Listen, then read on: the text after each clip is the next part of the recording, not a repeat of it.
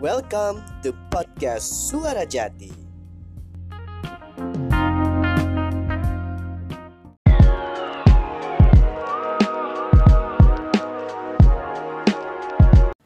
Masih dari Kamar Jati di podcast Suara Jati, kebaikan ada di mana-mana, termasuk di telinga kamu. Assalamualaikum warahmatullahi wabarakatuh. Halo teman-teman podcast Suara Jati. Sudah lama ya Jati off dulu kurang lebih seminggu nih nggak update podcast Suara Jati dengan episode-episode baru. Tapi yang jelas alhamdulillah ya di kesempatan kali ini Jati bisa mm, memiliki waktu asik. untuk bikin podcast terbaru di episode nomor 42 Personal Journal yang kali ini Jati agak sedikit ngambil resiko ya. Karena di episode yang ini ya episode terbaru Suara Jati ini Jati memilih untuk melakukan sound documentary ya. Artinya Jati mendokumentasikan percakapan-percakapan yang terjadi di hari ini dan ini dilakukan pure hanya dengan menggunakan equipment suara uh, perekam suara saja ya. Yang mana Jati pakai medianya adalah smartphone Jati. Jadi ini teman-teman bisa kemungkinan teman-teman gak suka banget sama episode ini atau kemungkinan teman-teman podcast Suara Jati menemukan bahwa this is something new ya dalam dunia podcast. Nah, kira-kira seperti apa? Kita simak sama-sama di podcast Suara Jati.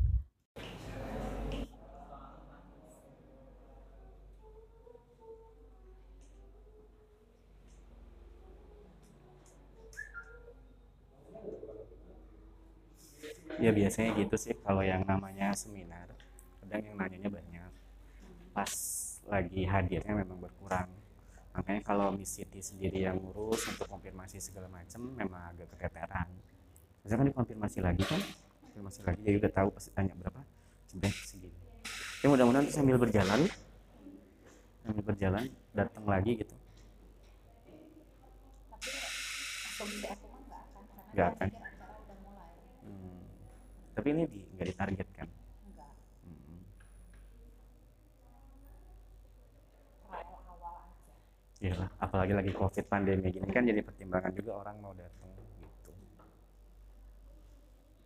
Tapi setidaknya udah cukup sih kalau kata aku ini. Kalau misalkan untuk bantuin promo nanti di sosial media ya udah udah mengisi dan sudah sesuai dengan protokol tadi. Gitu aja lah melihatnya daripada mikirin yang nggak bisa kita kontrol bener nggak kita tinggal fokus ya sama apa yang bisa kita kontrol betul? Tuh kayak ini udah ada segini ya udah kita bikin kontrol ya maksimalin se, bisa mungkin dan ini tuh udah termasuk banyak kalau kata aku. Iya. ya enggak sih? Iya. udah lumayan banget. Udah lumayan banget cuman mungkin target kita ekspektasi kita yang terlalu tinggi. hmm,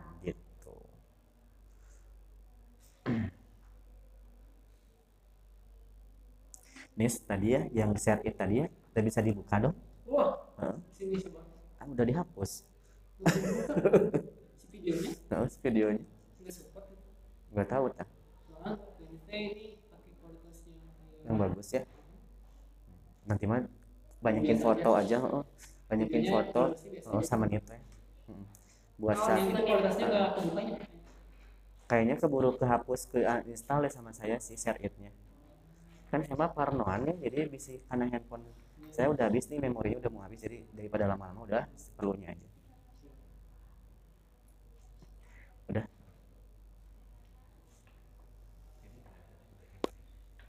Masih menunggu sih sebenarnya ya. Masih menunggu. Enggak kan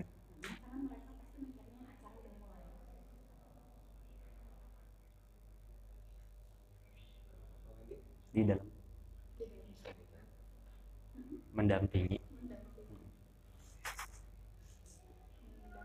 Jadi LO dulu. Hmm? masa sih asal biasa aja? Banyak yang bilang sih mas.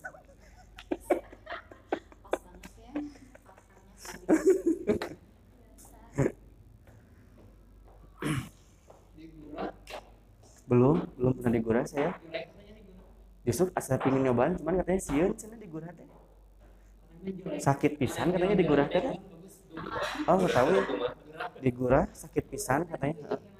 Dibersihin suaranya. Kotoran-kotorannya keluar. Nggak tahu tah nggak ada jasa gurah. Iya digurah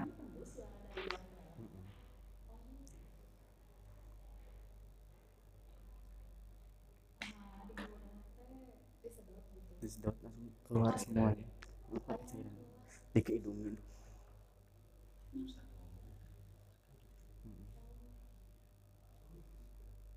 gurah teh kalau beli makanan kan ada tuh di supermarket. Fresh fry apa eh, kentang gurah nugget gurah. Curah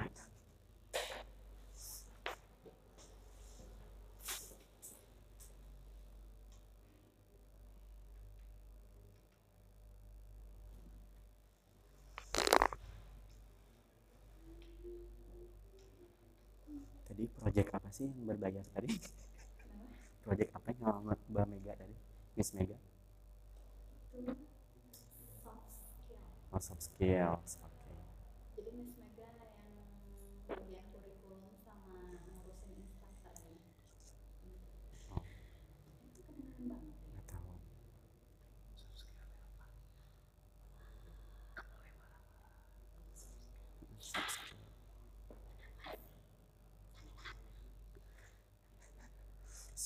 skill itu. Soft skill itu. Aduh lapar pengen masak apa pengen makan soft skill soft kiki soft kiki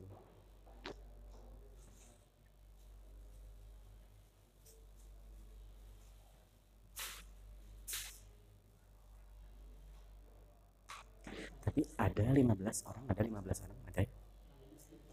Ah udah on target aku mah iya tiga udah ah udah lumayan.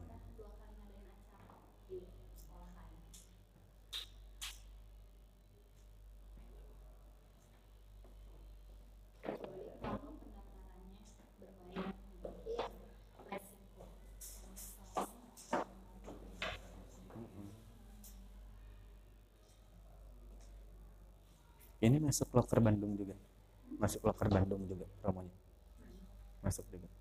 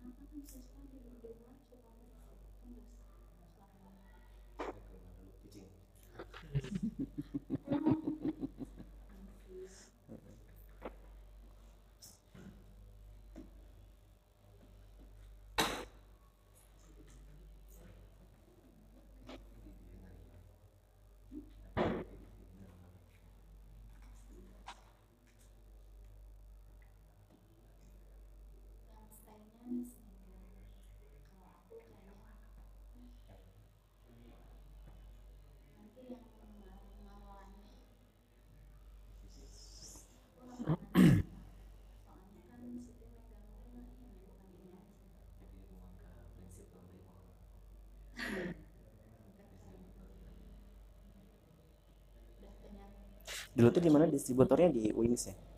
Eh di Wings. Oh Mama Mia. Papa baik ya. Sekarang mah beda ya retail beda ya.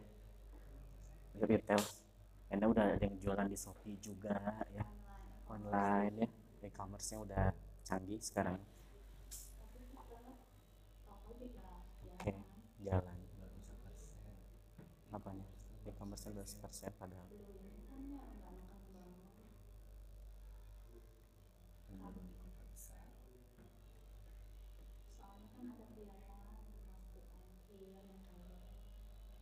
belanja enaknya ya langsung langsung terus sekene ketemu Mm-mm. kita mah ketemu ngobrol gibah sama aja tapi corona gini suka udah sistem pada bela antar di rumah ya sekarang ya? Banyak banyak ya? Hypermart. Nggak sebesar offline kecil.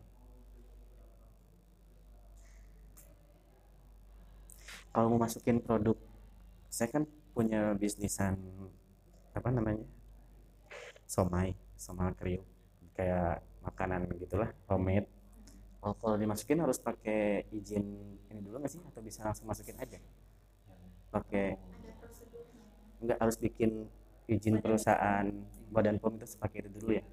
PIRT PIR PIRT dulu ya. Oh gitu. Ke pasar pasar. Kalau di mana Raja Wali Raja Wali Suci Suci Jalan ramai oh yang nugget itu aku mau semai kering gini kan semai kriuk itu. Sekarang memang banyak kok itu saingannya yang keren-keren itu sebelah kering Heeh. yang dengan serius itu teman saya yang jualan tuh gila dong sekali PO 600 sekali PO buka PO tuh 600 order yang eh 600 bungkus dikirim dus-dusan gitu. Surabaya ke mana ingin masukin gitu ke mana lah ke Borma dulu kan ada ya itu juga pakai PRT biasanya minimal ya Hmm? lumayan ya Hmm.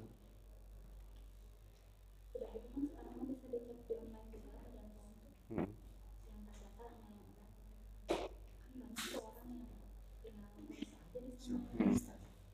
somai kayak cemilan gitu kayak kerupuk cuman somai sekali PO 600 bungkus.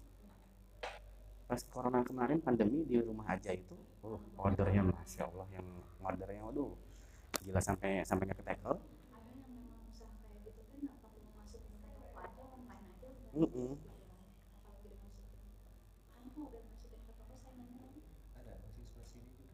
Ada juga bisnis gitu. Oh. Tugas kuliah mantap kuliah sini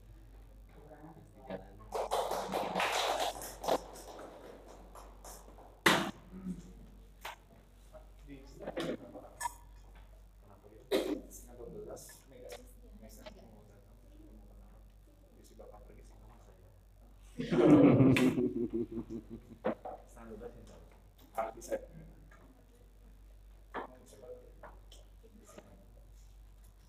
ada laptop kan yang di dalamnya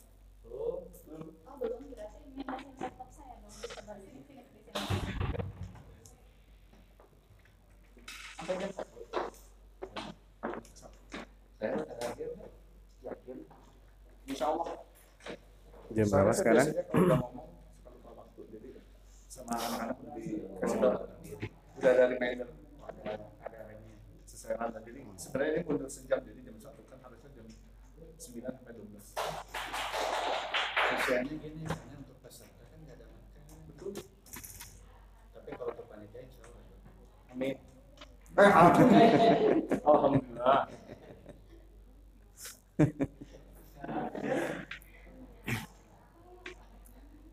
Yang pemain.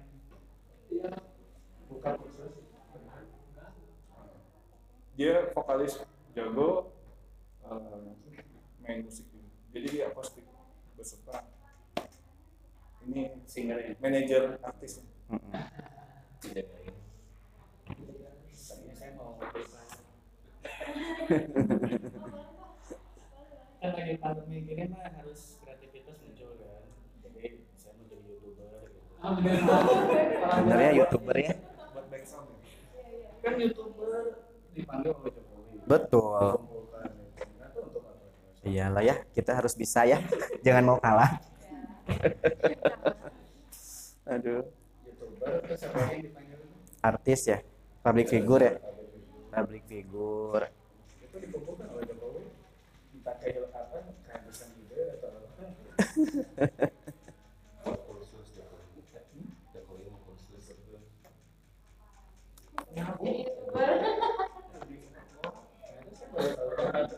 Dosen kita ada youtuber juga. kamu Oh, youtuber. oh gitu tentang apa? Tadi Ibu Sri Maria bilang. tentang apa? Isinya mistis. lagi rame ya mistis ya. Wah, mistis. Mistis. Lagi Tadi ada bisnis.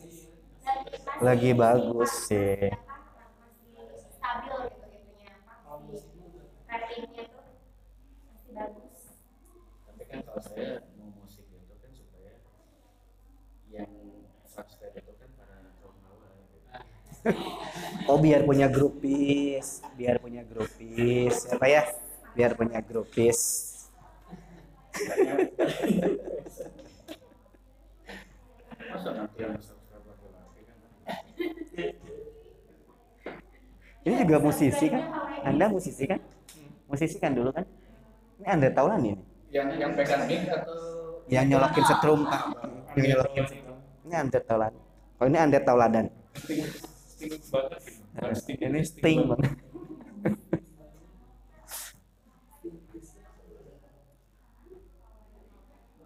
artis juga kan beralih ya kan dari penghasilan Kencang Pak YouTube gila. cuman ke ke apa kelebihan artis itu mereka udah punya Udah punya. Udah punya follower. jadi ketika sudah menyukai itu tahu dia bikin konten Pasti ada aja subscribe Udah punya fanbase-nya. Tinggal langsung tungguin aja kontennya. Tapi bikin konten juga udah mahal sebenarnya itu. Modal buat bikin konten. Oh iya, podcast ya. podcast Pak. Saya podcaster asik. podcast. kalau ada acara boleh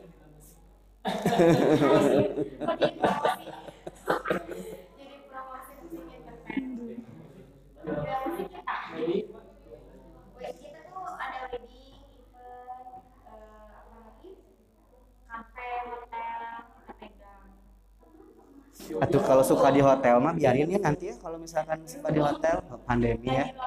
Nah. Iya,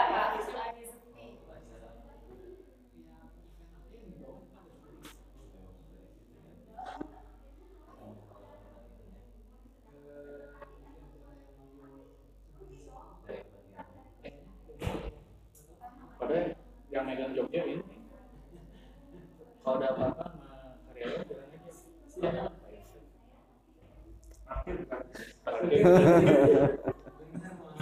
masuk masuknya gratis keluar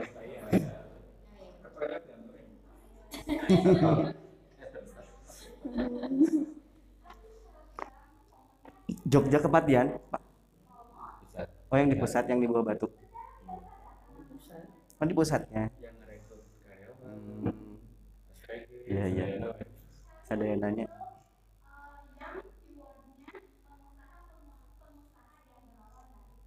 Jogja mah di Bandung banyaknya ya, Jawa Barat ya. Jawa Barat aja ya. Jawa Tengah ada. Baru tuh udah ada lama juga. 2014 ya. Terbilang baru berarti ya. Tegal. Oh gitu.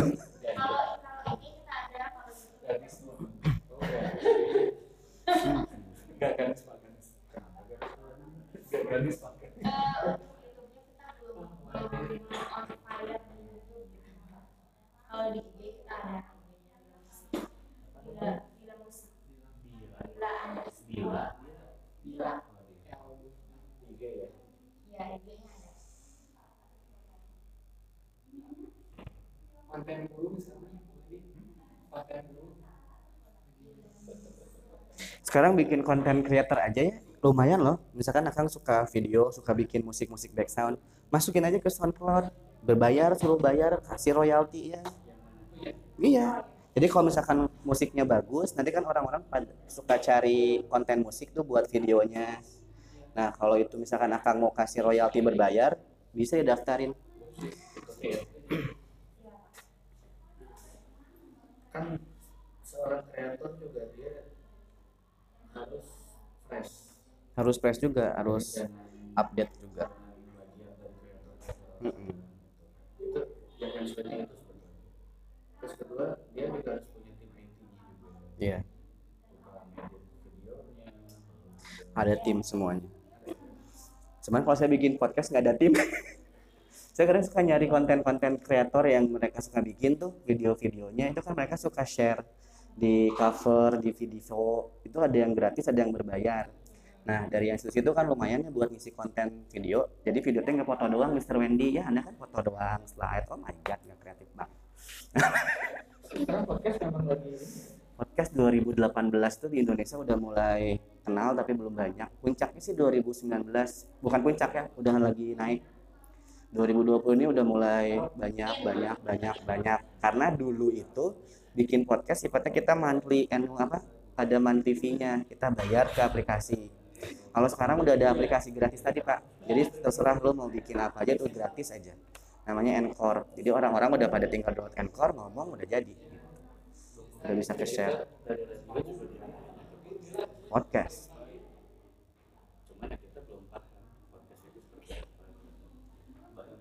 sebenarnya sama dengan youtuber sih cuman memang audionya lebih ke apa modalnya lebih ke di audio gitu kan. Kalau YouTube kan audio iya visual ya jadi emang buat orang-orang yang emang merasa tidak kamera face gitu ya. Tapi punya beberapa ide yang ingin disampaikan untuk bikin impact orang lain.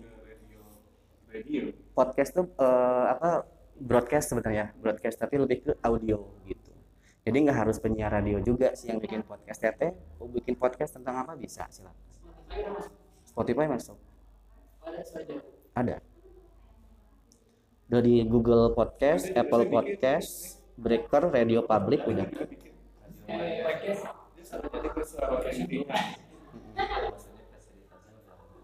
Ya banyak kan gitu pak. Udah ada mixer udah punya udah ini semua udah. Ah, udahlah. Karena belum tahu belum kenal podcast itu ini ya tapi sekarang banyak di shoot ya Jadi di banyak di shoot itu podcastnya di ya pakai visual. Karena manfaatkan ini aja sebenarnya manfaatkan. Support nanti kalau ada sudah memang akhirnya hotel zodiac yang kebun kaum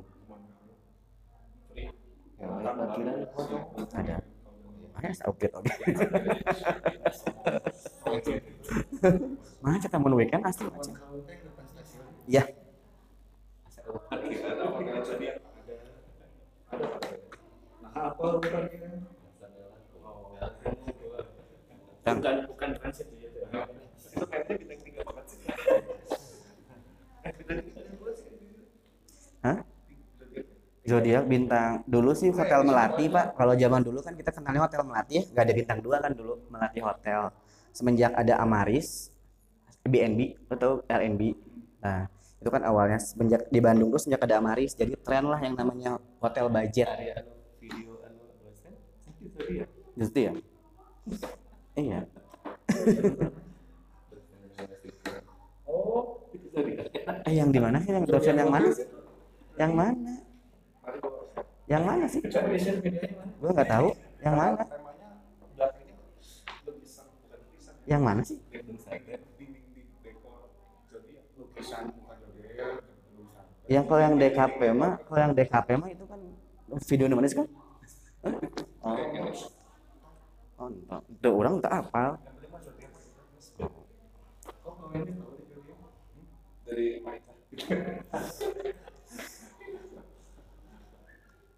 kalau podcast memang harus lihat segmen sih. Nanti kan ada ada tagnya pak. Kita mau ngomongin masalah apa? Sport culture eh, sosial sosial eh, atau mungkin religius agama gitu hobi. Nah mau ngambil di mana? Kalau saya ngambilnya di sosial culture sama personal journal. Saya ngambilnya yang itu. Kalau untuk bisnis nanti mungkin bisnisnya mau diarahin ke mana nih gitu. Apakah mau pembelajaran atau apa gitu. Atau entertain. Ah.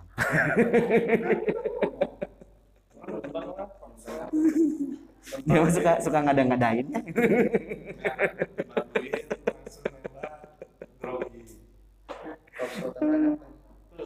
tuh apa? Talk show apa sih? Enggak gua mah bingung. Enggak bingung. Cuma nanya udah ada siarannya belum? Penyiarnya begitu? Lu mah suka suka ini deh. Penyiar udah iya udah ada program cuma kita memang belum menyentuh podcast. Belum. Kalau IG Twitter udah lah ya itu mah pak. udah ada aplikasinya juga kan kalau saya nggak salah ya Maya ya? Aplikasi App Store udah ada ya? Udah udah streaming online udah bisa? Karena kalau webinar seperti itu ketinggalan. Mm. jadi media sosial itu sebagai nilai jual juga buat klien berapa follower?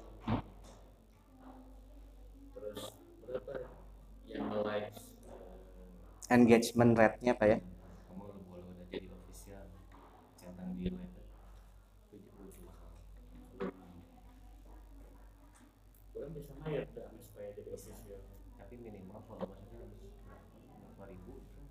juga. Follower pasif Kalau kalau tidak ada cacingnya.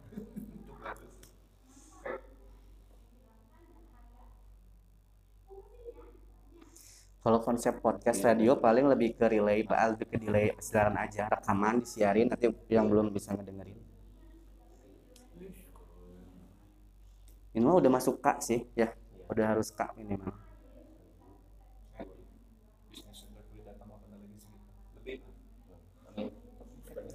Sosial media itu susah gampang, hei. Enggak. Susah-susah gampang loh sosial media.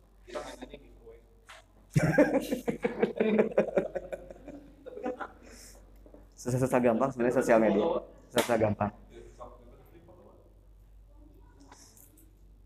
Kalau ngomongin sosial media expert pasti ngomongnya gitu-gitu aja kan, eh, bikin hashtag, bikin ini ini ini.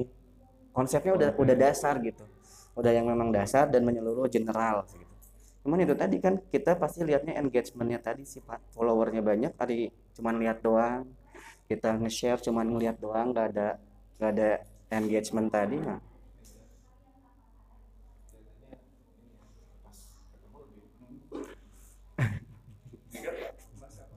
masih lah, nih lumayan nih, iya body shaming, body shaming ya ampun. belum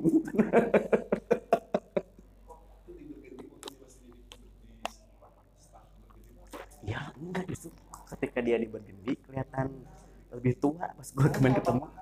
pas gue ketemu kok kayak masih muda. Masih di perhiasan perhiasan kayaknya. Belum belum belajar kayaknya gitu.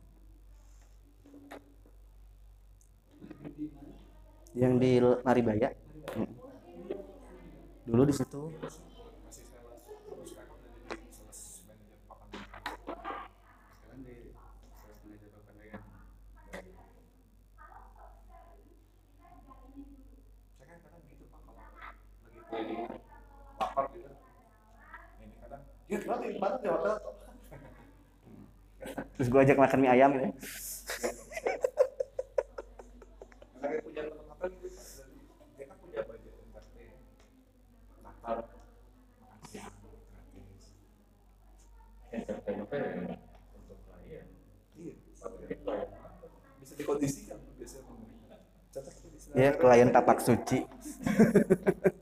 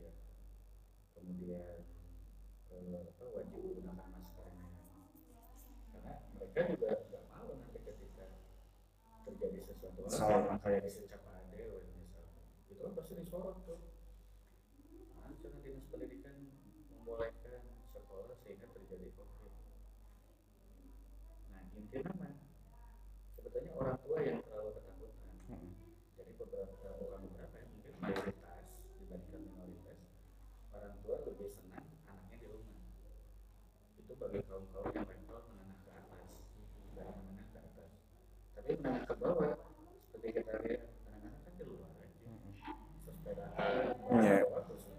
Iya. iya orang pondoknya bener gedek lihat anaknya di rumah terus ya udah lu keluar aja deh Lu sosial yang menengah ke bawah. main main ulin ulin ulin ulin saya di SMK pun orang tua meminta sekolah Iya. Pusing. Iya. Pusing di rumah. Oh, oh. Jajan. Jajan iya, terus kan sekolah di rumah juga mikirin kuota kan? Iya. iya. Kalau yang menengah ke atas kan udah, dek, dek belajar ya, ini udah mama siapin ya. Tuh langsung kan TV gitu, silakan di rumah aja aman gitu ya. Mau makan, mau makan apa kan tinggal kan?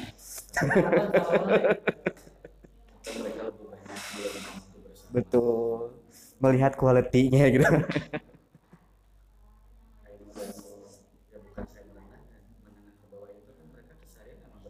Ya bersama. Males. Iya. Di di rumah saya sama teman-teman saya gitu pak yang punya anak ya sekolah di rumah malah stres mereka pak orang tuanya malah stres. Betul tetap belajar mereka. Jadi mereka pun juga keganggu waktu buat masaknya waktu buat bersosialisasinya lah merasa terganggu. Apalagi iya. Segala kan? Gitu. Apalagi teman saya dapat anak dapat materi bahasa Mandarin. Kan orang tuanya kan bingung ya. Alas ya. Gimana bimbingnya gitu kan? Juga apa soalnya nulis dia. Mm-mm. Ini gimana tema 7, tema 6, dari matematika emang. Udah bedanya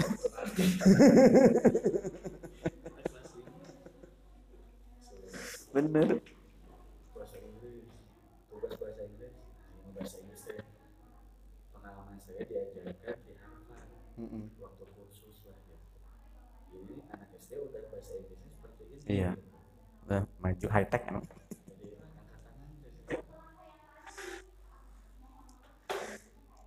itulah beda anak juga kan kadang butuh langsung ya pak ya secara psikologi ya butuh langsung pergaulannya ketemu sama orang-orang. Apa maksudnya langsung interaksi gitu. Kadang anak yang udah nggak sabar pengen sekolah eh pengen sekolah. Mm-mm, yang kangen jelas. Mah kalau keadaan seperti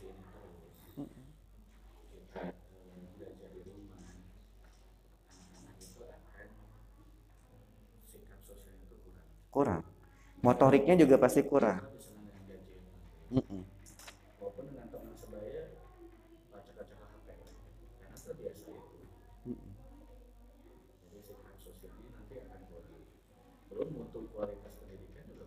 iya. Karena seorang guru ketika mengawasi 30 siswa di depan laptop beda angkat satu-satu kalau betul.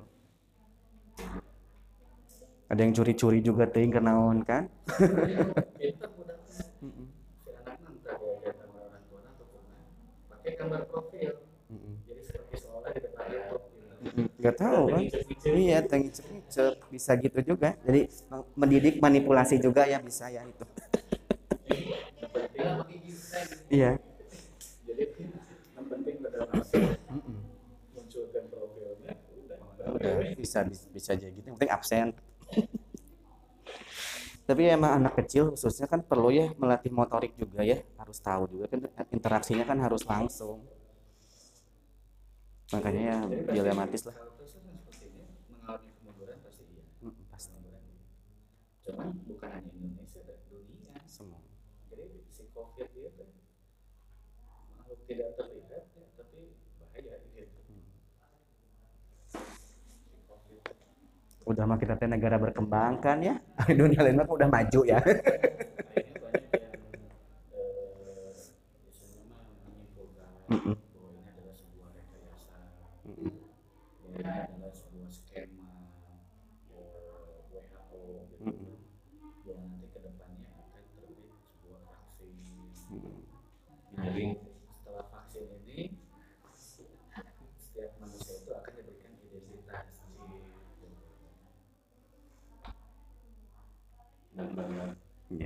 ya semoga aja lah. Kan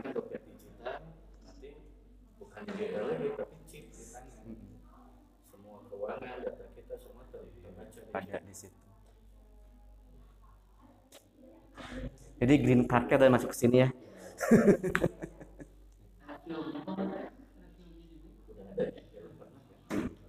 Tapi mudah-mudahan nggak ada niat genocide ya.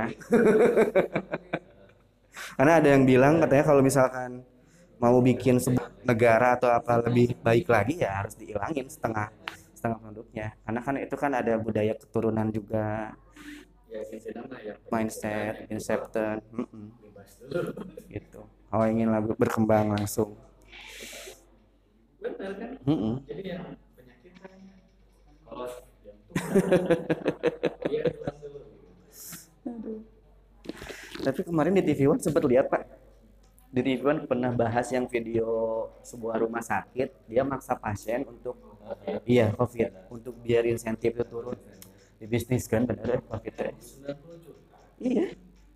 Kan? Belajar kan 30 orang isolasi baru baru karena rapid terus maksa. Si dinkes belajar kan 30 diduduk ditarik di toko iya. Kalau nggak mau toko ditutup. Kan bermaksa-maksa teh itu kan swab lagi caranya 14 juta Insentif. per orang dikali 30 hari per orang 14 juta dikali 30 hari 5,8 kan tapi dirawat setiap hari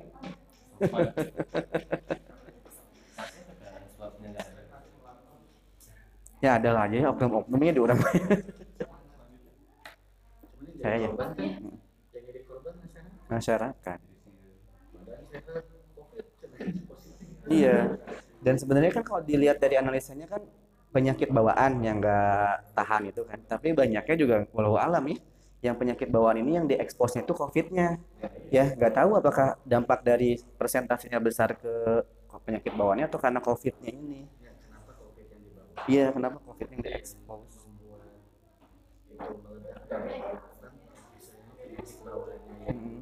Mm-mm.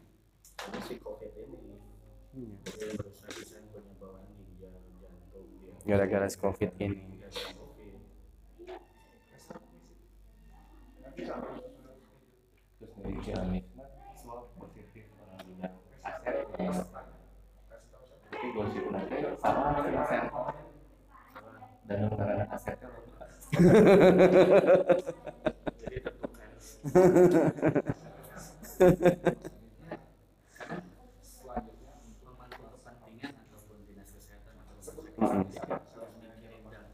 Iya. ketika seseorang dinyatakan positif Mm-mm. keluarganya dijauhi Mm-mm. Stigma lagi ya. dihindari lah belum oleh keluarga besarnya udah kamu mau. Oke, tinggal dulu. Pak, enggak. Ya.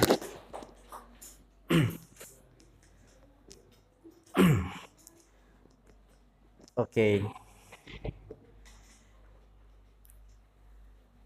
Oke. Eh, Assalamualaikum warahmatullahi wabarakatuh. Hmm, kenapa? Oh boleh, silakan. Kalau misalkan ada yang mau ke toilet,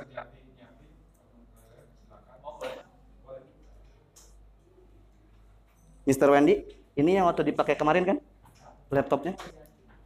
Ya, bukan. Oke, saya eh, hari ini akan apa namanya ngebahas soal public speaking ya.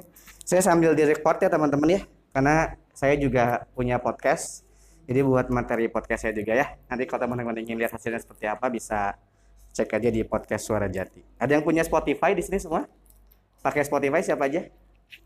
Nah, boleh nih kalau penasaran sama podcast saya, langsung di search aja ya Suara Jati. Suara Jatinya pakai jatinya pakai DJ, DJ Ati ya. Sebentar. Waktu saya berapa menit, Kang? 20 menit? 45 menit? 20 menit. Oke. Waktu saya nggak banyak ya, teman-teman. Tapi yang jelas seneng banget bisa ketemu sama teman-teman di sini, ya. Bisa ketemu teman-teman di sini semua. Ini semuanya lulusan corona atau ada yang ada yang lulusan corona nggak? Angkat tangan yang lulusan corona. Baru sekarang? Angkat tangannya, angkat tangan. Ya, jangan malu-malu, angkat tangan. Silakan. Waalaikumsalam. Sisanya berarti lulusan 2016 ada? 2016 ada? 2017? 2017 Akang? 2018? Oke, 2019 tadi ya. 2019 siapa? Sisanya yang nggak angkat tangan lulusan tahun berapa? 2015, 13, sama 2016. 2010 ya, oke. Masih muda lah ya. Belum tua-tua banget ya, masih lulusan 2000 sekian gitu ya. Oke, teman-teman, saya akan berbicara mengenai public speaking, tapi sebelumnya saya izinkan memperkenalkan diri saya. Saya Jati Triutomo ya. Saya adalah seorang sales manager hotel Kagum di Bandung. Ada yang tahu Kagum Hotels? Yang ya? Tahu? Pernah PKL atau bekerja di sana? Oh belum pernah sama sekali tapi udah tahu ya Kagum Hotel ya Akang ya udah tahu ya Kagum Hotel ya saya sales marketing manager di Kagum Hotel saya pegang Kagum Hotel ini punya brandsnya banyak saya pegang salah satu brandnya itu adalah brand Hotel Zodiac ya ada yang pernah tahu Zodiac Hotel ada yang tahu familiar tahu ya oke saya aktivitas saya seorang master seremoni ya communication activity saya juga mengajar di salah satu lembaga di Bandung, lembaga penerbangan. Ya, di sini teman-teman ada yang sudah pernah bekerja sebelumnya, yang lulusan ini udah ya, udah pernah bekerja ya. Oke. Dan tentunya juga buat teman-teman yang sudah yang lulusannya sudah di 2013, 2010 ya, udah banyak banget aktivitas dan juga sudah mencicipi lumayan garam kehidupan, betul ya? Ya, ya, udah ya. Santai aja teman-teman ya. Nah, sekarang saya di sini akan menjelaskan public speaking. Saya juga sempat ngambil apa namanya studi komunikasi politik. Jadi teman-teman yang namanya komunikasi ini kita setuju penting banget ya. Seberapa penting sih komunikasi dalam hidup kita? Seberapa penting? Sangat penting ya teman-teman ya. Nah, artinya kalau sangat penting ini segala aktivitas kita, segala profesi kita, baik itu uh, profesi kita jualan itu udah udah sangat perlu banget yang namanya public speaking. Profesi kita guru, dosen, dokter, ya, engineering, ataupun juga uh, karyawan, staf biasa pun juga perlu yang namanya public speaking, ya. Karena public speaking ini ada yang tahu nggak public speaking itu apa? Angkat tangan, angkat tangan langsung bicara. Apa, Teteh? Berbicara di depan umum, betul ya? Kalau public speaking ini adalah salah satu kemampuan berbicara di depan umum. Salah satu kemampuan atau skill komunikasi yang kita pakai untuk keperluan komunikasi dalam masa yang besar. Ya, jadi teman-teman, kalau ngomongin public speaking itu nggak harus MC, penyiar radio, jurnalis nggak harus. Teman-teman mungkin yang uh, ada yang udah masih kerja di sini lagi kerja,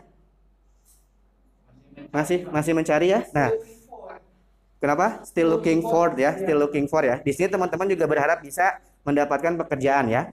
Nah, untuk mendapatkan pekerjaan tentunya ada beberapa tes kayak interview, betul? Ya, tes psikologi gitu ya. Nah, interview pun itu memerlukan yang namanya communication skill. Ya, itu pun juga sifatnya menjual diri kita. Ya, apalagi teman-teman kalau misalkan nanti bergerak di bidang sales, itu perlu banget public speaking. Karena teman-teman akan ketemunya presentasi di depan beberapa klien. Ya, ketemu orang-orang banyak juga. Nah, kira-kira teman-teman sendiri kalau misalkan ngomong public speaking, apa sih yang bikin teman-teman takut dari public speaking? Gugup, apalagi? Tidak diperhatikan. Tidak diperhatikan, apalagi? Saya tulis ya, gugup. Takut tidak diperhatikan. Demam panggung. Tidak diperhatikan. Bukan demam coronanya. Demam panggung. Terus apalagi? Demam panggung. Malu? Oke. Lupa yang lupa yang disampaikan atau ngeblank ya. Atau blank. Malu. Kenapa malu kan di baju? ya? Cara penyampaiannya. Oke. Apalagi? Kurang yakin. Kurang yakin atau kurang pede? Yakin-yakin sama kurang pede ya. Oke, kurang apa lagi? Banyak ya teman-teman ya. Kendala dalam public speaking cuma dua. Satu ini, ya, ini namanya eh, kendala atau hambatan secara psikologis sebagai manusia. Semua orang punya rasa malu atau mungkin tegar. Ada orang yang punya rasa malu atau orang tegar, alias tegablek kak era. ya, jadi ada orang malu sama orang tegar, ya. Apa tegar? Tegablek kak era. Oke. Eh, secara psikologis ya hambatan dal- dari yang namanya public speaking cuma ada dua. Pertama psikologis, yang kedua adalah teknis. Ya, masalah teknis itu kayak misalkan teman-teman harus public speaking bawa laptop tiba-tiba laptopnya mati atau tiba-tiba infokusnya error atau tiba-tiba mic-nya mati. Itu kendala teknis. Tapi yang paling utama adalah ketika kita mau public speaking, do public speech gitu ya. Yang dihadapi adalah ini betul ya? Belum ke depan aja udah malu, udah gugup, padahal belum ke depan. Belum tahu gimana rasanya. Itu namanya hambatan dalam public speaking secara psikis. Oke, teman-teman di sini udah pada ngerti apa itu yang namanya public speaking. Public speaking ulangi tadi apa? berbicara di depan umum. Tapi yang namanya berbicara di depan umum gak hanya sekedar berbicara, ya. Tapi kita menampilkan diri kita, kepribadian kita, karakter kita, ya. Jadi public speaking ini bisa diartikan sebagai satu salah satu salah, salah satu cara, salah satu cara untuk self discovery, ya, mencari jati diri kita. Nyamannya kita di mana?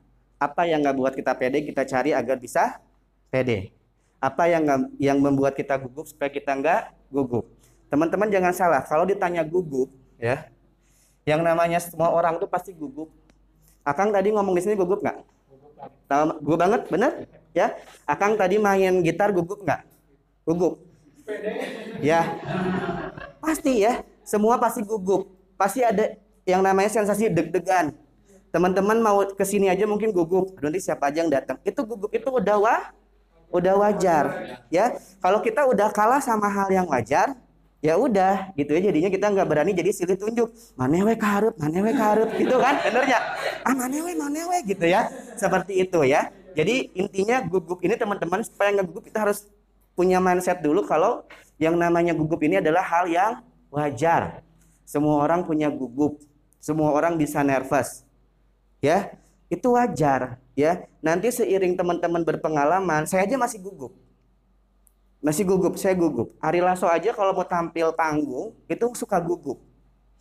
Ya jadi jangan jangan terbawa dengan yang namanya saya gugup nervous gitu ya. Nah kalau ngeblank ini nanti ada tekniknya. Dan ngomongin soal teknik kali ini ya kita akan membahas tips berbicara di depan umum ya teman-teman ya Cuman 20 menit kan? Oke, saya cepat aja. Teman-teman kalau ngomong di depan umum ya, kalau ngomongin saya nggak pede, itu bisa dicari teman-teman, bisa diatasi. Apa yang membuat teman-teman nggak pede? Ya, ditutupilah berpenampilan yang baik, ya, pakai wangi-wangian, banyak apa banyak ditambah pengetahuan kita supaya kita bisa tambah levelnya, value-nya. Kalau kita lebih tahu, akhirnya kita lebih pede, harusnya gitu kan? Ya, Oke, sekarang kita akan ngomongin soal tips berbicara di depan umum. Teman-teman kalau misalkan suka baca, banyak banget beberapa referensi di Google juga teman-teman bisa lihat lah ya. Google bisa lihat tips berbicara di depan umum udah. Zaman ayeuna nama ya, hei kalian ya, mileni bukan milenial, generasi Z ya, udah gampang ya. Mau cari apa-apa tinggal Google, mau perlu apa-apa tinggal lihat influencer, lihat selebgram, mau make up aja nggak perlu kursus lagi, bener? Tinggal modal kuota aja ya, bener nggak sih? Bener ya? Mau belanja tinggal klik, bener? Yang penting aya duit. Nah, ya eta, ya. Nah, jadi udah gampang teman-teman. Cuman di sini saya pilih, saya rangkum yang sangat aplikatif buat kita semua pelajari, ya. Oke, yang namanya sales itu harus bisa dituntut untuk menjelaskan, menyampaikan maksud dari kita jualan. Saya kasih tips aja teman-teman, kalau mau jualan jangan jual produk. Jual solusi. Ya, untuk bisa menjual solusi harus bisa melakukan komunikasi yang baik, menjadi pendengar yang baik. Teman-teman bisa memecahkan suatu masalah jika teman-teman bisa memahaminya. Untuk memahaminya kita harus bisa mendengar dengan baik, ya. Oke, tips berbicara depan umum yang pertama adalah pakai konsep bercerita atau being naratif. Ini salah satu cara untuk bisa menghilangkan yang namanya blank. Teman-teman kebiasaan ya kalau kita dikasih tugas presentasi kita langsung buka komputer buka laptop gitu ya. Langsung tugasnya apa bikin rundown akan bikin rundown tugasnya apa langsung kita nulis. Bikin rundown hari ini. No kita kuasai ya jangan menghafal kalau menghafal bisa lupa nggak bisa lupa Yang bikin faktor lupa tuh apa? Nervous, gugup. Akhirnya kalau hafal apa kalau Akang Teteh menghafal di depan sini ya udah gugup duluan, udah lupa langsung. Ya, untuk untuk pembukaan aja Akang Teteh bisa nulis ya, ditulis. Selamat pagi ditulis, jangan. Kita mikirnya gini konsepnya. Oke, saya di- disuruh membuka acara. Kata-kata kita diajarin dong, kata sapa untuk membuka apa sih? Selamat pagi. Assalamualaikum. Selamat siang, salam sejahtera, senang bisa bertemu. Ya, udah. Jangan ditulis selamat pagi kepada ini. Terus dihafal, jangan. Oke, saya membuka acara. Masuk, bismillah. Pasti nervous, ya. Bismillah. Selamat siang, udah. Teman-teman pun nanti juga akan merasa keluar sendiri itu energinya, langsung flow. Selamat siang teman-teman semuanya. Kasih audiens untuk jawab. Selamat siang.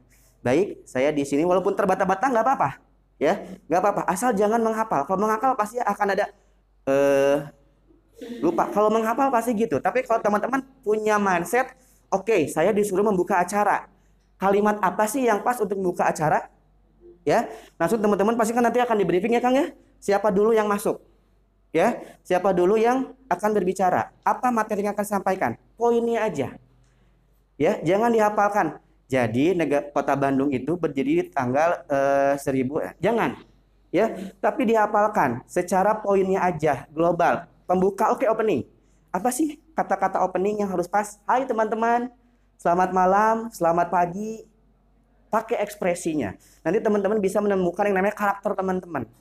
Ya, seperti apa karakter teman-teman. Jadi harus bisa punya konsep ini. Pakai ber- konsep bercerita atau naratif atau menguasai. Saya tanya, menguasai sama menghafal beda nggak? Beda. Kalau menghafal bisa lupa. Tapi kalau menguasai walaupun di aliran, ya ini nggak hurung, tetap kita tahu apa yang kita sampaikan. Kayak tadi saya udah niat mau menyampaikan tips berbicara depan umum. Saya udah tahu kuasai. Saya bisa ngomong ke mana-mana dulu, bener? Ya, kayak gitu. Jadi teman-teman jangan pakai konsep menghafal. Pakailah konsep menguasai dan sampaikan dengan bercerita. Ya, makanya saya ajak teman-teman. Siapa yang lulusan corona itu sama dengan komunikatif ya, bercerita. Jadi jangan menghafal. Teman-teman nanti kalau jadi seorang sales udah tahu produknya apa. Oke, saya jualan ini produk minuman. Minuman saya apa? Cari, kuasai. Minuman jus ini apa khasiatnya? Kalau jualan enak, ibu ini minuman saya, ya. Minuman saya itu bisa mengurangi penyakit ini ini ini. Kita jual produk, tapi kalau jual solusi gini, ibu selama ibu udah usia segini punya keluhan apa? Itu itu jual solusi, ya. Punya keluhan apa sih ibu dalam kesehatan ibu? Ya mas, kita suka nyeri awak misalkan gitu ya. Pegel kalau bangun tidur, oh pas banget ibu. Ini ada minuman, ya. Ini minuman saya, coba ibu eh, dicoba aja dulu. Kalau misalkan ibu nggak ada reaksinya atau apa, ibu bisa tanya ke saya lagi, gitu ya. Tapi kalau misalkan ada reaksinya ya alhamdulillah, berarti ini cocok buat ibu. Jual solusi. Jangan jual, bu ini minuman bu murah bu, murah, punya khasiat gini gini gini. Oke, tapi udah nggak musim sekarang karena yang jual minuman itu banyak, banyak yang jual minuman itu. Tapi yang jual solusi, ya kita cari tahu, kita analisa dulu ya. Jadi teman-teman kalau untuk being public speaking kuasai, jangan dihafal. Jadi kuasai nervous itu semua orang ada. Cuman waktu saya sedikit, jadi saya nggak akan bisa memberikan gimana sih biar nggak nervous, gimana sih cara meningkatkan percaya diri, gimana mengolah suara, gimana berintonasi, ya itu ada teknik belajarnya. Tapi saya lebih mem- memberikan apa yang aplikatif, ya bisa dipahami di sini, bisa ya. Jadi dikuasai, jangan dihafal, ya dikuasai jangan dihafal. Ah, Kang, jadi moderator nanti begini-begini, oke. Saya pembuka dulu, kan nggak ujuk-ujuk. Teman-teman sekarang pembicara nggak gitu kan? Ya, itu secara alami, secara alami kita bisa pikir. Oke, saya nggak mungkin ujuk-ujuk. Teman-teman pas di bagian ini kan langsung teman-teman eh, nanti diisi formulir ya, diisi namanya, itu udah menguasai, gitu ya. Oke, membuka. Eh, Assalamualaikum warahmatullahi wabarakatuh, teman-teman. Selamat pagi, selamat siang, gitu dulu. Makasih ya udah datang. Kayak kita lagi ngobrol aja, gitu ya. Paham sampai sini ya? Oke, saya cepat aja ya teman-teman ya. Yang kedua, ya kita tuh harus punya mindset kalau kita tuh nggak hanya sekedar ngomong, ya. Kita tuh bukan yang namanya eh, bukan sekedar ngomong. Kita tuh harus punya mindset kalau kita tuh adalah memberikan, ya, delivering, giving, ya. Tadi mungkin ada yang bilang bahwa takut nggak dianggap. Siapa yang bilang tadi? Takut nggak dianggap tadi mana? Siapa yang bilang? Malu ya, kurang yakin. Tidak. Nah ini takut tidak diperhatikan. Jangan merasa takut tidak diperhatikan. Kalau kita punya mindset ada gua mah mau ngasih bukan mau ngomong. Jadi bukan sembarang ngomong, saya mau ngasih ilmu, saya mau ngasih produk, mau ngasih solusi. Jangan merasa takut dicuekin. Ya. Gunakan teknik interaksi. Ajak kalau misalkan lagi ngomong kayak saya gini, ada yang nulis, ada yang main HP atau apa, ajak, deketin. Toel. Hai, damang Kang. Itu. Kalau dia udah merasa merasa connect sama kita baru kita kasih apa yang perlu kita sampaikan. Ya. Jadi kalau kita konsepnya ngomong, kita punya mindset, ah gua ngomong. Udah. Bisa jadi ngomong itu bisa jadi dua eh, bisa jadi satu arah. Tapi kalau mindset kita memberikan, kita udah nggak peduli lagi orang mau apa namanya mau merhatiin atau enggak karena kita konsepnya memberikan. Tinggal nanti kita lakukan interaksi lihat nih, ya lihat siapa yang merhatiin kita, kita sapa. Yang lain antepin aja. Ketika saya ngomong nih sama Akang, kedengeran suara saya kan? Orang-orang pasti akan mendengarkan. Betul? Ya udah jadi udah jadi udah nggak ada udah nggak mikirin lagi audiens gitu ya. Mau yang merhatiin, mau yang enggak, yang penting saya niatnya ngasih. Kalau ngasih itu kan nggak harus semuanya dapat, enggak ya? Siapa yang mau bener? Ya. Nah itu. Paham sampai sini? Yang ketiga ini adalah pahami audiensnya. Ya, pahami audiens tambahin ilmu pengetahuan. Makanya kalau pingin pede banyak baca, banyak belajar biar jadi banyak ilmunya ya. Tambahin pengetahuan. Ya. Harus bisa pahami audiens. Teman-teman jadi sales mau ngejual steak, masa dikasih ke orang yang suka asin peda? Nggak mungkin kan? Ya, dipahami audiensnya, analisa. Ini audiensnya usianya berapa? Saya harus ngasih sesuai dengan kemampuannya berapa, referensinya berapa ya. Harus bisa tahu audiensnya seperti apa. Teman-teman akan berbicara di depan seorang para manajer misalkan. Berarti saya jangan ngasih hal-hal yang levelnya di bawah manajer. Pengetahuannya harus bisa naik.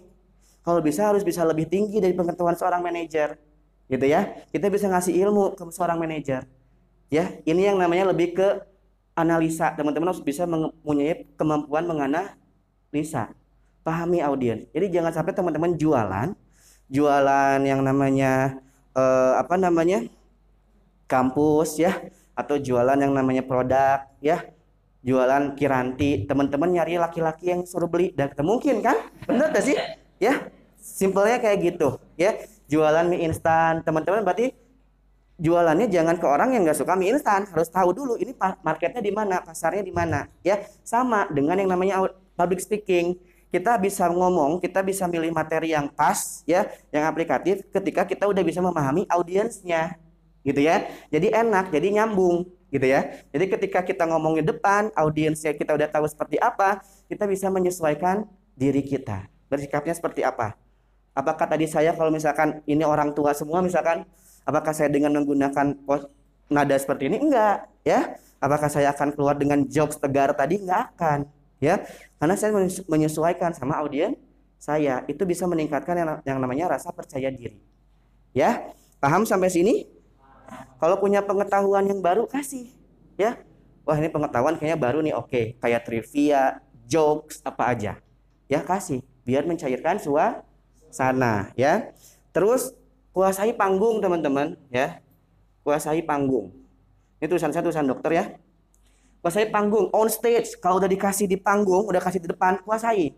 Kuasai itu nggak harus yang kudu kaditu jadi teman-teman gini enggak ya. Tapi use your body gesture ya. Gunakan yang namanya uh, body language kalian. Tangan. Tong kitoing yang tong kitoing tong kitoing ulah ya. Jadi gunakan tangan. Ini bisa membantu relax membantu yang namanya intonasi juga ya. Gunakan. Teman-teman kalau misalkan orang-orang yang nggak pada merhatiin teman-teman diem aja orang-orang yang nggak merhatiin bakal ngeliat ke kita. Ya tiba-tiba saya udah di sini terus ada yang main handphone atau siapa saya diem. Dia juga pasti nah cicing. Sedikitnya dia bahkan akan ngelihat ke diri kita. Di situ teman-teman ngomong langsung ya. Manfaatkan the power of pause ya. Kekuatan dari berhenti. Kalau udah berhenti gini jangan berhenti langsung eee, jangan ya itu berhenti ketika teman-teman pakai konsep menghafal. Kalau teman-teman berhenti pakai konsep menguasai, teman-teman tinggal lihat catatan aja. Ya, tapi catatan lagi tunggu panjang-panjang teuing ya. Namanya catatan kan, hei ya. Jadi harus bisa menguasai poin-poin penting yang disampaikan. Tambahi ilmu pengetahuan yang baru kalau bisa ya. Oke. Terus kalau yang namanya ngomong depan umum harus melakukan kontak Kang kontak. Kontak itu nggak harus pegang, ya, nggak harus salaman, nggak harus pelukan apalagi ngaruh ya. Kontak itu kayak nyapa, itu kontak. Hai, halo, ya. Kita bakal tahu Kang siapa yang akan ngedengerin kita. Kalau kita udah tahu siapa yang akan ngedengerin kita, kasih, ya. Jadi kalau ingin lancar ngomong itu, udah duluan nervous karena lihat orang banyak, bikin salah satu imaginary friend di kepala kalian untuk diajak ngomong. Ya, jadi kalian kayak ngomong sama orang lain, tapi mata kalian tetap lihat audiens. Ya, kalau kalian nggak bisa dengan bikin imaginary friend tadi, sapa, ya, hai. Kadang ada guru suka, gini kan, udah hei, gitu kan. Misalkan kalau lagi tidur, bangun, digebrak. Kalau yang killer gurunya gitu kan. Nah, kalau kita kan nggak mungkin ya public speaker gini, eh main HP wae, nggak mungkin kan, ya. Pasti kita dengan ramah gitu ya, dengan hai teteh gitu ya, halo akang, itu kontak, ya, itu kontak. Akang mau ngebuka acara, halo selamat selamat siang teman-teman, itu kontak, ya, itu kontak. Jadi jangan merasa kita di depan umum, ngan kita weh hungkul, jangan, ya, ada audiens. Pernah dengar biar nggak nervous, anggap ya audiens nggak ada. Pernah dengar istilah kayak gitu? Atau lebih parah, anggap aja monyet. Lebih parah kan ya? Harus dianggap ada, harus ada. Tapi kita harus bisa memperlakukannya sebagai audiens. Kalau bingung menyapa keseluruhan, bikin ini satu orang. Anggap aja pacar kita, hai, gitu. Ya, orang kan nggak tahu kita lagi ngomong sama pacar kita karena ada di imaginary kita. Itu bisa membantu untuk kita bisa berbicara lancar. Tapi karena waktu kita cuma sebentar ya, saya nggak bisa memberikan gimana teknik-tekniknya, teknik intonasi, teknik produk suara, apa yang namanya eh, teknik satu nafas, itu banyak tekniknya teman-teman ya. Nah, kalau teman-teman ingin belajar, sekarang udah banyak banget caranya. Ya, ini adalah salah satu yang aplikatif, yang bisa membuat eh, apa namanya gugup, gugup teman-teman udah, itu mah bukan alasan gugup mah. Ya, makanya udah pada tua masih gugup sih. Ya, Toh juga audiensnya masih seumuran kita, bener? Bahkan di bawah kita. Kenapa harus gugup? Karena kita diliatin. Nah, supaya kita diliatin, kita harus bisa menampilkan apa yang terbaik dari kita. Berdandan yang baik, berbusana yang baik, gak harus mahal, ya. Gak harus mahal. Kalau kita udah berbusana, wah orang keren nih. Pede tuh bener tuh. Ya, bener gak sih? Bener gak sih? Sok buat cewek-cewek. Pas dandan pingin dilihat nggak? Pingin kan? Akhirnya udah siap kan? Siap go to public, bener gak sih? Nah, dari situ bersiapin semuanya ya, mulai dari diri kita. Kalau dari segi psikis semua orang punya yang namanya gugup, ya. Tapi nanti seiring pengalaman gugup ini akan terkikis, terkikis ya karena teman-teman udah sering belajar. Teman-teman pesan pesan satu dari saya aja teman-teman ya. Teman-teman masih muda ya. Jangan pernah lepas dari yang namanya ini. Walaupun usia berapapun, aktualisasi aktualisasi diri. Jangan pernah lepas dari yang namanya ini, aktualisasi diri.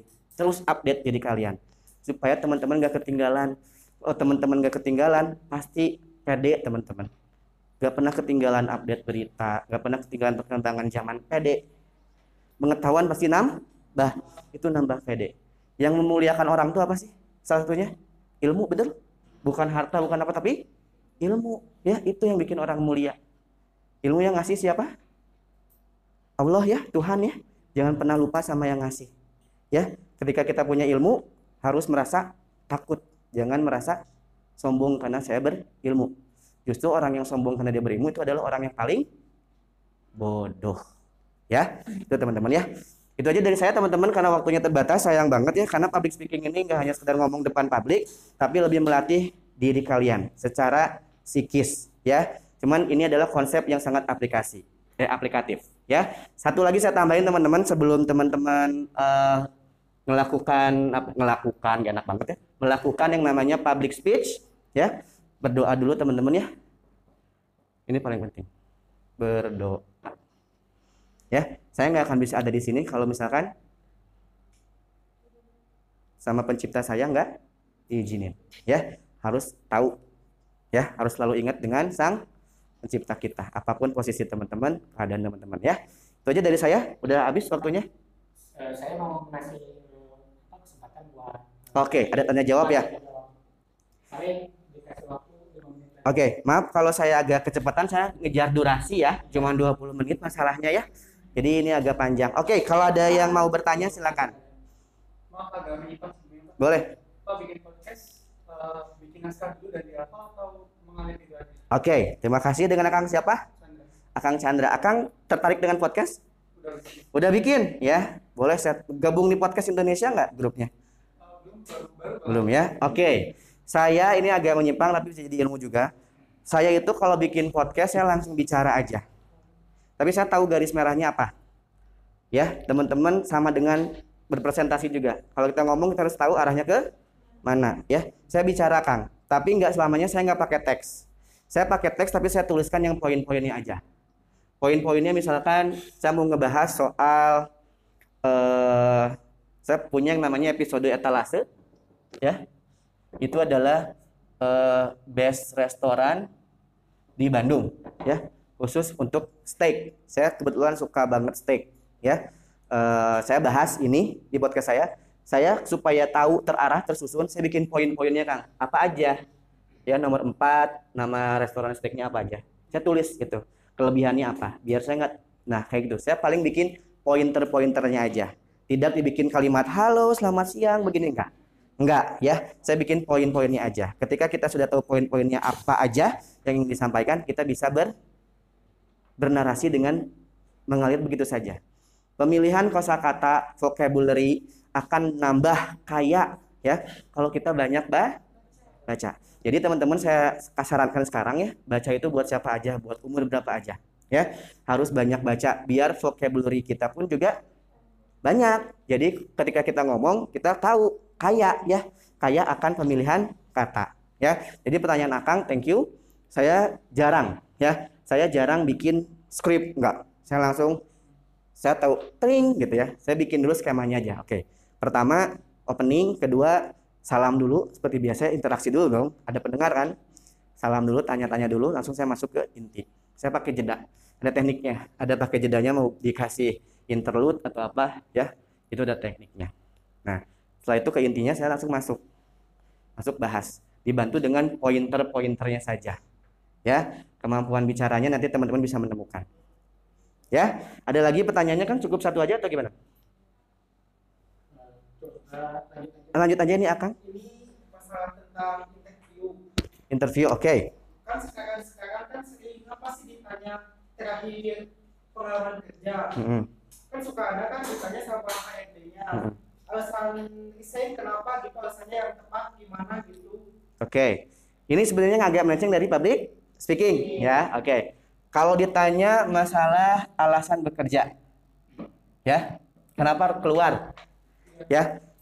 Keluarnya buruk atau enggak? Kita tahu ya. Benar? Alasan kita keluar kenapa? Akang misalkan keluar kenapa? misalkan kan tahu-tahu apa sih tahu sekarang okupansi menurut drastis buat Mm. departemen housekeeping departemen misalkan lima contoh Mm-mm. jawaban saya mungkin yang lebih baiknya apa gitu buat yang lain gitu Alasan Akang resign karena eh, okupansi turun jadi ini. ya Kalau kayak gitu harus ditutupin nggak? Kalau hal yang kayak gitu harus ditutupin nggak di saat ditanya interview? Jangan Kang, bilang aja kalau alasan seperti itu bilang. Karena dampak corona kan, betul? Karena corona terjadi, karena corona terjadi, ya, saya eh, perusahaan saya mengalami penurunan, ya, dan akhirnya mendampak kepada saya. Sampaikan aja seperti itu. Tetapi kalau misalkan masalah kepuasan kayak salary, jangan pernah bilang saya digaji ingin cari gaji yang lebih baik. Jangan. Jangan. Jangan pernah bilang itu. Ya. Kalau kita merasa kita ada aib di perusahaan itu, misalkan dikeluarkan, jangan pernah bilang dikeluarkan. Ya. Bilang aja bahwa saya ingin mengupdate diri saya. Saya ingin tantangan yang baru dan saya merasa tertantang dengan apa yang ditawarkan oleh perusahaan ini. Tuh. Ya, itu. Jangan pernah ngasih kekurangan tahu kekurangan kita apa. Kita harus bisa yakin sama diri kita sendiri. Ketika kita melamar ini, perusahaan ini bilang, "Kenapa kamu resign?" Terus terang, ya. Kalau misalkan mau ngomong masalah ini salary, bilang aja gini, ya. Tapi jangan langsung ya, gaji letik, Bu. Jangan, ya. Ya, misalkan gini aja. Bilangnya gini teman-teman ya.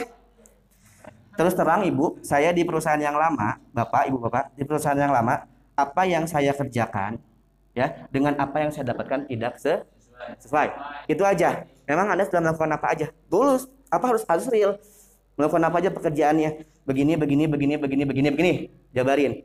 Ya, jangan langsung, Bu. Saya tuh kemarin udah bikin proyek, terus ah, proyeknya berhasil, orang tadi bayar. Jangan bilang gitu. Langsung bilang aja, perusahaan sebelumnya saya merasa bahwa apa yang saya lakukan, apa yang sudah saya kontribusikan buat perusahaan saya, yang saya terima tidak sesuai. Di situ terus terang saya merasa bahwa saya harus challenge diri saya dengan sesuatu yang baru yang bisa menghargai saya. Gitu ya. Karena saya bekerja terus terang Bu, saya juga bekerja sungguh-sungguh. Saya bekerja juga penuh dengan dedikasi. Saya nggak punya cacat di perusahaan saya. Bilang aja gitu. Ya. Tapi kalau misalkan terus mengapa Anda memilih bekerja di sini? Saya merasa membutuhkan apa challenge baru, tantangan baru. Dan saya merasa tantangan itu ada di perusahaan yang Ibu Bapak tawarkan. Itu ya, kurang lebih ya. Kalau misalkan alasannya karena pandemi, bilang aja ibu karena pandemi, begini, begini, begini, begini.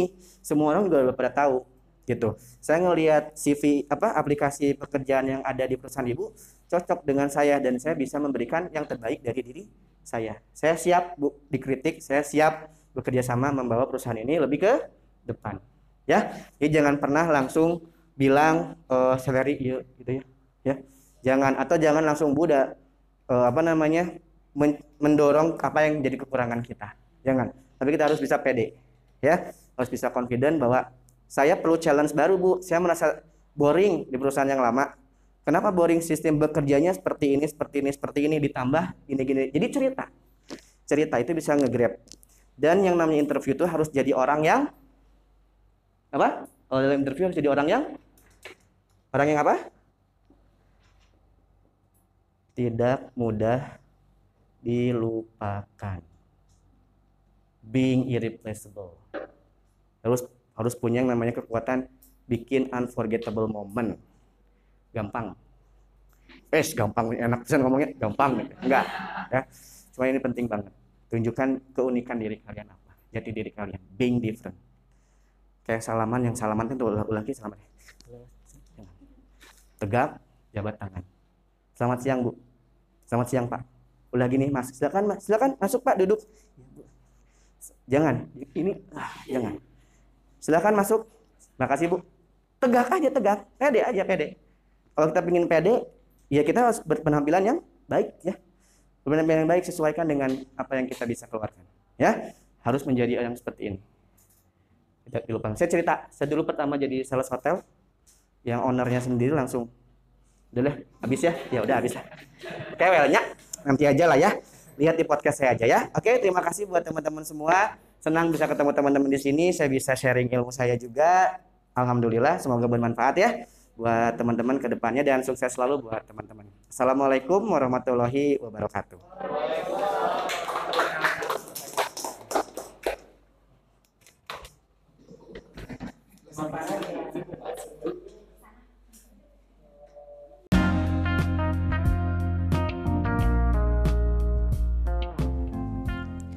Thank you for listening to podcast Suara Jati.